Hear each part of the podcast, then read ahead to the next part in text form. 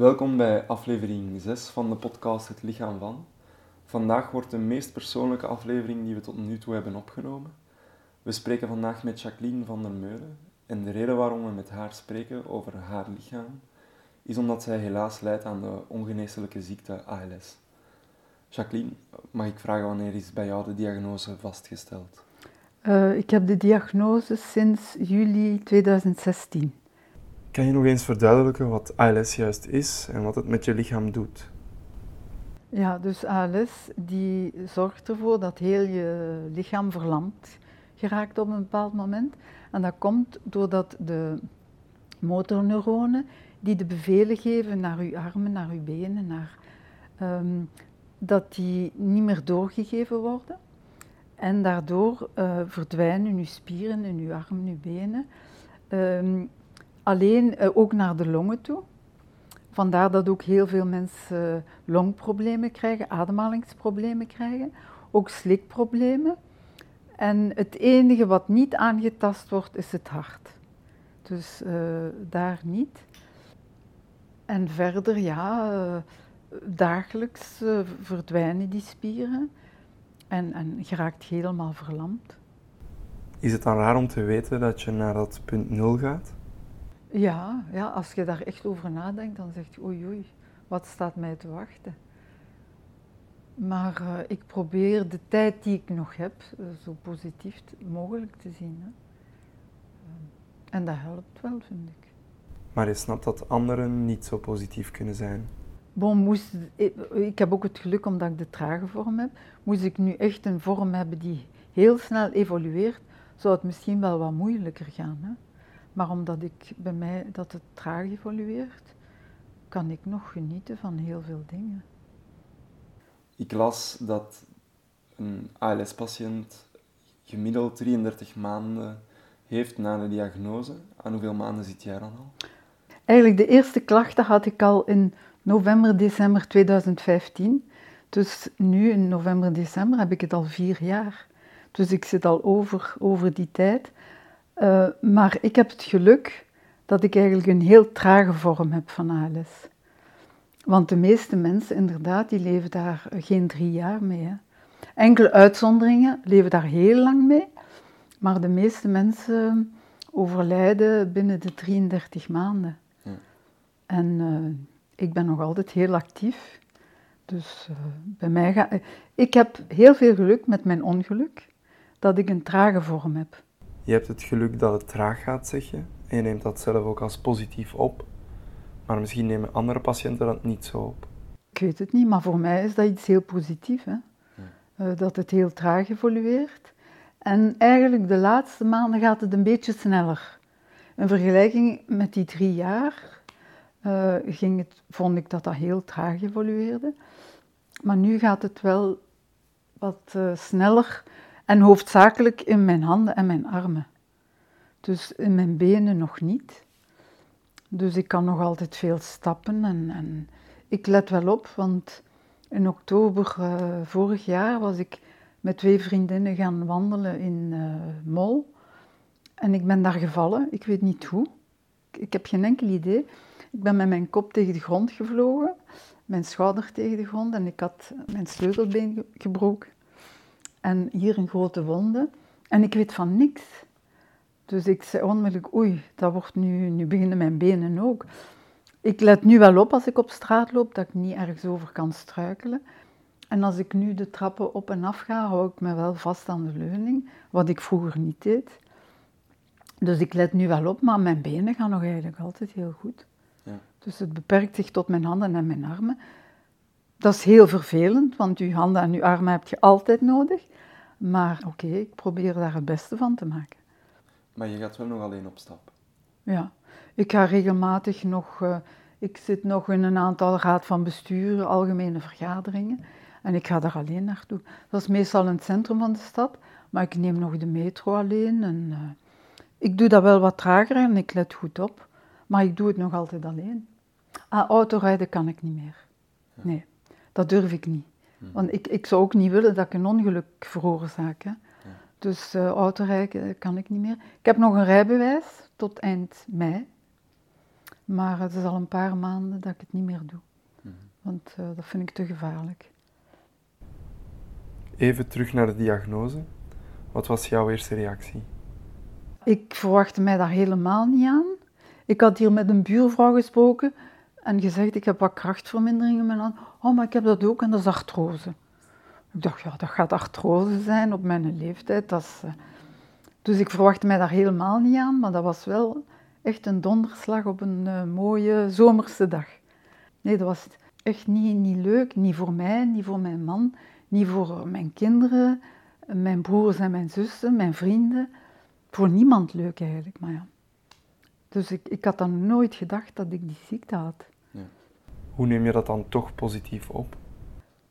Ik had de keuze, ofwel zet ik mij in de zetel, doe ik een depressie en doe ik niks meer. Ofwel probeer ik van alles nog te genieten. En dat is mijn keuze geworden. Ik geniet van ieder moment. Als ik iets wil doen, doe ik het nu. Ik stel het niet uit. En eh, mijn gezin helpt mij heel goed. Mijn kinderen, mijn kleinkinderen, mijn broers en mijn zussen. Iedereen helpt mij.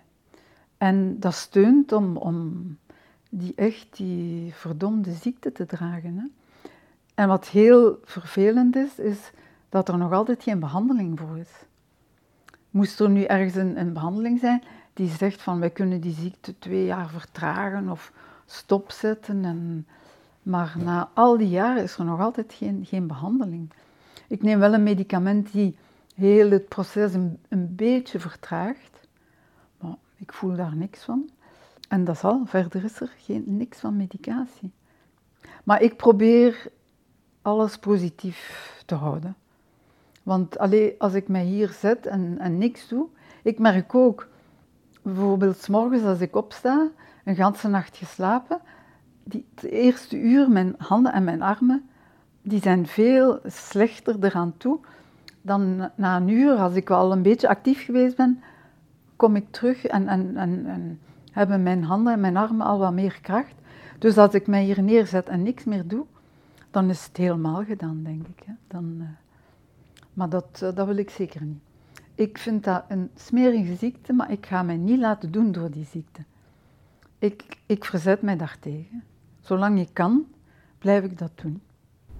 Is het dan elke ochtend opstaan met de vrees van dit is verergerd of dat is verergerd? Nee. Nee, want dat schommelt ook iedere morgen. De ene dag gaan een aantal dingen vrij goed en de dag nadien gaan diezelfde dingen helemaal niet goed. Bijvoorbeeld, ik heb soms last met de voordeur te openen en sommige dagen doe ik die open op één seconde. En daar straks ook heb ik moeten bellen naar Luc, dat ik de deur niet open kreeg. Ja. Dus, en de ene dag wel, de andere dag niet. Dus dat, dat is voor mij ook wel een geruststelling. Als ik vandaag iets niet kan, morgen kan ik het misschien wel. Zijn het die dus, kleine dingen dat het meest frustrerend is? Ja, ja, ja. En, en zo heel uh, dingen, bijvoorbeeld uh, een, een, een, bordje dragen. Ik, ik kan nu wel uh, bijvoorbeeld de tafel dekken, een bordje dragen, maar mijn handen die gaan ook alle richtingen uit. En ik heb iets vast en dan ineens hup, lossen mijn handen en het ligt op de grond. Dus um, ik moet daar heel voorzichtig mee zijn. Dus ik durf eigenlijk niks meer vastnemen wat kan breken of zo. Want of, of ik neem een boek vast en ineens valt dat. Uh, dus ik kan mijn handen niet vertrouwen. Ja. En dat is, wel, dat is wel vervelend. Jij probeert het proces tegen te gaan door nog heel actief te blijven. En ik merk ook hoe meer ik doe, allee, hoe, het is wel allemaal heel zwaar, want mijn armen die wegen precies 100 kilo. Precies of daar constant gewichten aan hangen. En ik raak niet hoger met mijn armen dan dat. Dus alles wat ik doe, ook iets uit de kast nemen, vroeger iets hoog uit de kast nemen, geen enkel probleem, maar dat gaat nu niet meer. Dus dat is telkens aanpassen en een, een oplossing voor zoeken, maar dat gaat. En ik, ik, ik probeer dat positief te houden. Hè. Je tekent heel graag? Ja. Doe je dat nog altijd? Ja. Sommige dagen gaat dat helemaal niet. En, en de, de dag nadien wel. Maar nu, nu is het toch wel serieus achteruit aan het gaan. De laatste maanden wordt het toch wel moeilijker. Vroeger, bon, ik schilderde en tekende heel veel. Ik maakte schilderijen van een meter op een meter. Maar zoiets kan ik niet meer. Dat gaat niet meer. Wat ik nu wel doe, sinds dat ik in 2012 waren er twee kleinkinderen. En ik heb in plaats van een fotoboek te maken, heb ik een, een, een boekje waar dat ik tekeningen maak van hen op basis van foto's. En daar ben ik nu nog mee bezig en dat gaat moeilijker, soms helemaal niet, soms wel. Maar daar ben ik nog altijd aan bezig en dat vind ik heel plezant. Dat ik zo'n boekje heb met alleen maar tekeningen van, van mijn kleinzoon en mijn kleindochter. En wat ik ook doe, ieder jaar voor een verjaardag, maar ik heb dat boven in mijn atelier hangen, maak ik een portret van hen. Dus vanaf dat ze één jaar waren, tot nu worden ze zeven jaar, teken ik een portret en dat vinden ze heel leuk. En ze, ze pesten mij daar een beetje mee. Vorig jaar toen ik een portret maakte, ik had eerst het portret van mijn kleinzoon Antoine gemaakt. En ik vraag aan, aan de kleindochter Louise, kijk, ik heb hier een portret gemaakt, kent jij, kent jij die jong? Nee, wie is dat? Ik zeg, oh nee, nu moet ik opnieuw beginnen. En dan begonnen ze te lachen. Jawel, en dat is Antoine. Was ze gewoon een beetje aan het pesten. En Antoine deed het, dat was onder elkaar, hadden ze dat afgesproken, denk ik. En dan vroeg ik aan Antoine, kent je dat meisje? Nee, wie is dat? Nee, nooit gezien. En dan, ai, dan moet ik weer opnieuw beginnen. Maar nee, dat is Louise. Dus alle twee hadden ze dat afgesproken om mij een beetje te... Je hebt het nu over kinderen. Begrijpen zij wat die ziekte met je doet? We hebben het hen een paar maanden geleden pas uitgelegd. Want tot nu toe heb ik altijd met hen nog gespeeld alsof er niks aan de hand was. Ze zagen soms wel van, nou niet uw handen. Uh, en dan zeg ik, ja, ik word oud, ik heb wat minder kracht in mijn handen. Maar dan nu, ze zijn zes, ze worden zeven, hebben we gezegd van, nu wordt het toch wel tijd dat ze snappen dat er iets... En we hebben gezegd dat ik een ziekte heb, maar niet de ernst van die ziekte. Dat hebben we nog niet uitgelegd. Maar nu, ook als ze zien dat ik iets niet kan, zeggen ze, oh, kom, kom dan niet, ik ga het doen, laat, mij u helpen. Dus dat is wel positief ook. Voel je soms dat je anders bekeken wordt omdat je de ziekte hebt? Je zegt bijvoorbeeld dat je je handen soms niet meer onder controle hebt. Ik merk in sommige winkels, als ik, iets, eh, als ik boodschappen doe, wat heel moeilijk is, is de, de fijne motoriek. Bijvoorbeeld om, om uh, een, een, briefje van 20 euro uit mijn portefeuille te nemen, is heel moeilijk. Sommige, in, in sommige winkels zien dat. Of ook om mijn grief in mijn zak te steken. En sommige mensen aan de kassa zeggen, kom mevrouw, ik ga u helpen. Ik steek het erin. Dus sommigen reageren daar heel positief op.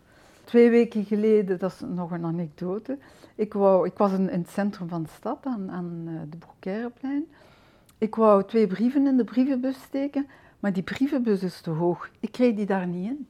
Daar kwam een, een meneer voorbij. Ik zeg, meneer, excuseer, kunt je me even helpen? Kunt jij die brieven in de brievenbus steken, want ik raak er niet aan. Maar nee mevrouw, je kunt dat toch zelf doen? Ik zeg, nee, het is daarom dat ik u vraag, ik heb een ziekte aan mijn handen. Nee, ik doe dat niet. Dus dacht ik allee, hoe kan dat nu? Dan kwam er nog iemand af, ik vraag het weer, en die meneer zei, oh ja mevrouw, kom, ik doe het. En die stak dat onmiddellijk in de brievenbus. Maar iedereen zegt, oei, je ziet er zo goed uit, niemand ziet dat ik ziek ben. Behalve als ze mijn handen uh, bekijken. Maar als ik gewoon op straat loop, niemand ziet dat. Hè.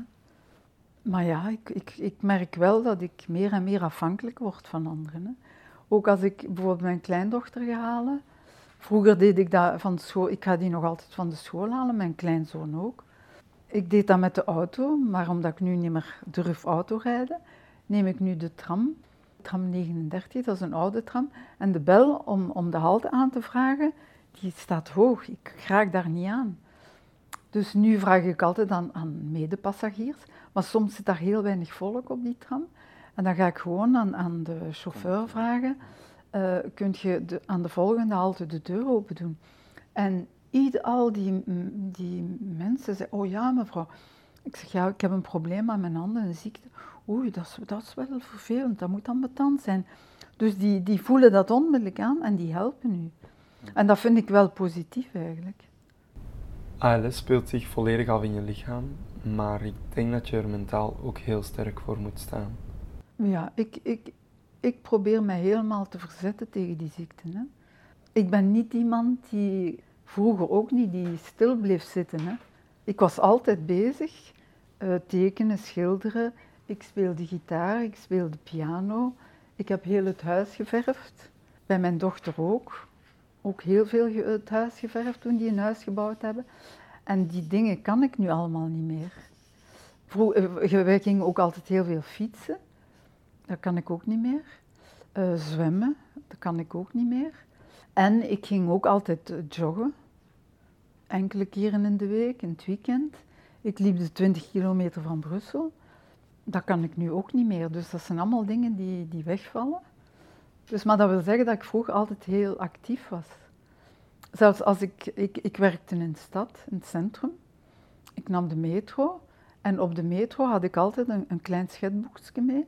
En als ik mooie mensen zag of speciale portretten, want mijn hobby is eigenlijk portretten maken, dan teken ik, ik heb zo een, een heel pak schetsboekjes vol met tekeningen van mensen die ik in de metro zag. Dus ik was altijd bezig en ik wil nog altijd bezig blijven, ondanks het feit dat het moeilijk is. Maar... Eh, heb jij een idee wat de oorzaak is? Hoe komt het dat jij ALS hebt? Nee, daar heb ik geen enkel idee uh, rond. Ook in, in uh, gasthuiswerk kunnen, kunnen ze ook niet zeggen, het is daarom of daarom dat u dat gekregen hebt. En het is ook zo dat ik, uh, ik en mijn gezin, en, we hebben altijd heel gezond geleefd heel sportief geweest. Eh, zwemmen, fietsen, stappen, joggen. Ik ben ook vegetariër. Sinds mijn 18 ben ik in uh, Brussel komen studeren, ben ik op kot gegaan. En dan heb ik gezegd, nu ga ik zeker geen vlees meer eten.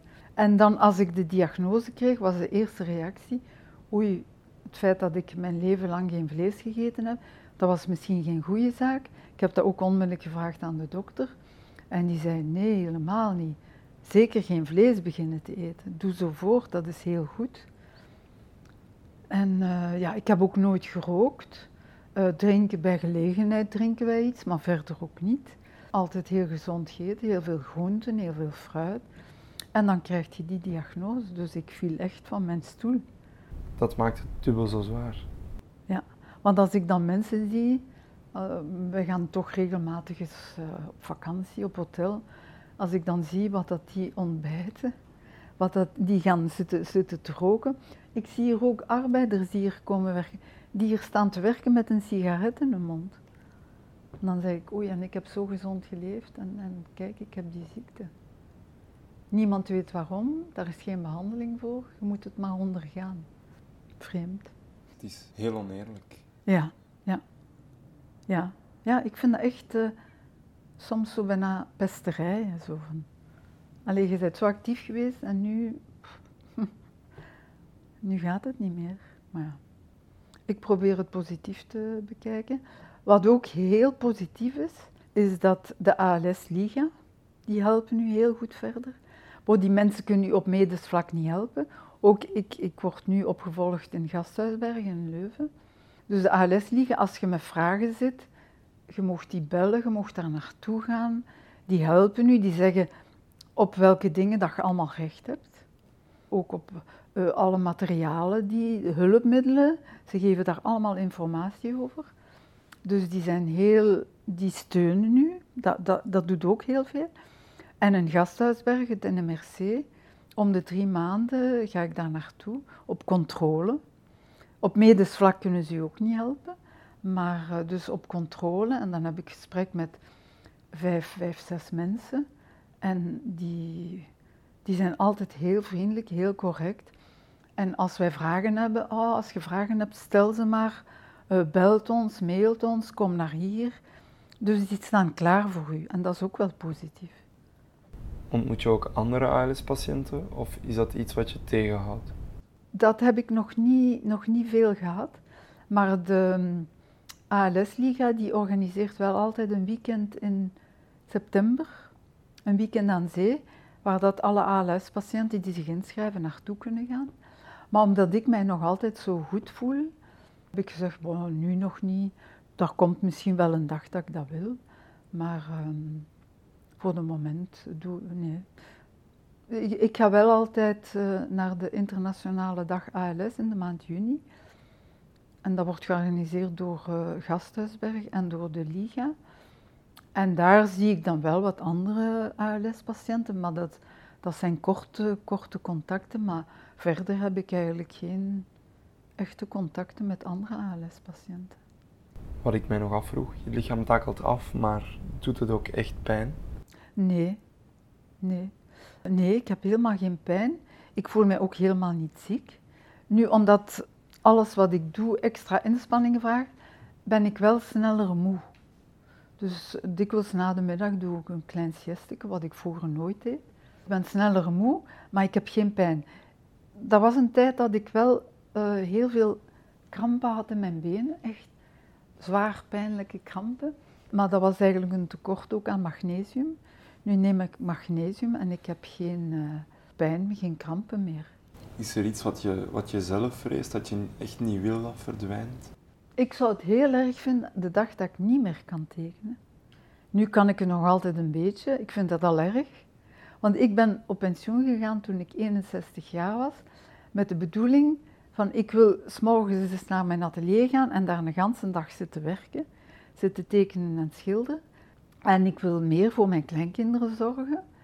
En eh, twee jaar later was het gedaan.